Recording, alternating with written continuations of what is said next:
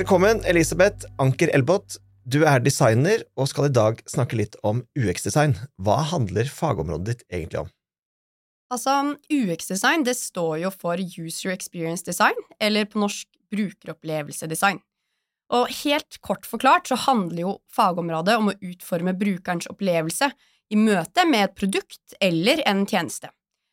Eh, I praksis så innebærer det å jobbe metodisk med innsikt for å få en forståelse av brukerens behov, og deretter designe alle kontaktpunkter i brukerreisen. Et annet begrep som ofte brukes og blandes med UX-design, det er UI-design, eller User Interface Design. Uh, UI-designere jobber med brukergrensesnitt for digitale produkter. De har altså et større grafisk fokus og tenker på estetikk og brukervennlighet. Men i forbindelse med det, uh, så forklare helt enkelt, så vet jeg at du har et uh, bilde eller en anekdote som egentlig beskriver litt forskjellen på disse to fagretningene? Ja. Du kan jo tenke deg at du skal bygge et stort bygg med mange ulike funksjoner. Kanskje er det en skole, kanskje er det det nye regjeringskvartalet. I et slikt prosjekt så trenger man jo først og fremst ingeniører og håndverkere, de vet hvordan de bygger selve bygget. Eh, en solid konstruksjon og et tak som ikke legger, det må jo da være i bunn. Der har vi utviklerne våre. De kan bygge nettsider og digitale tjenester med kode som verktøy. Eh, men så er jo ikke et råbygg særlig appellerende, så man trenger også interiørdesignere til å få bygget til å fremstå både brukbart og flott. Da starter man kanskje med praktisk belysning i samtlige rom, ton i ton veggfarger og kanskje til og med flotte fiskebensgulv. Og det er egentlig her vi har UI-designerne våre. De kan beste praksis for farger og former, og de kjenner trendene.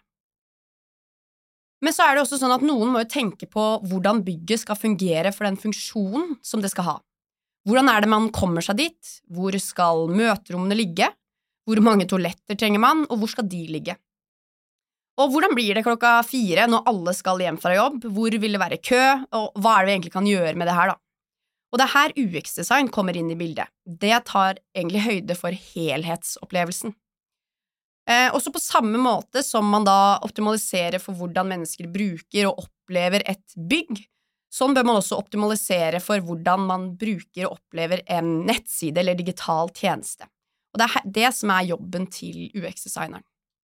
Veldig bra, nyttig. Nå ble det veldig klart uh, for meg også. Men hvem er det dette fagfeltet egentlig egner seg for? Uh, det er jo litt klisjé å si, men, det, men egentlig alle. Uh, og det er fordi alle har en nettside.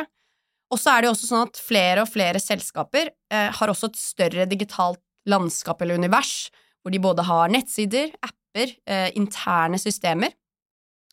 Um, hvis vi da går tilbake til den anekdoten som jeg delte, da, så er det jo sånn at når man skal bygge et fysisk bygg, jo mer komplekst dette bygget er, eh, jo større behov er det for at en person tenker på at brukerne enkelt og effektivt skal kunne navigere og utføre ønskede handlinger. Eh, og det vil egentlig være helt på samme måte når det gjelder nettsider og digitale tjenester. Og så er det jo mange som eh, har litt trøbbel med å navigere i, i denne verden. Hvis du kort skal overbevise en om at eh, hvorfor er dette fagområdet viktig å eh, benytte seg av, hva vil du si da? Det er jo masse jeg kan si, men først og fremst så sikrer UX-design en god brukeropplevelse i møte med ditt produkt eller tjeneste.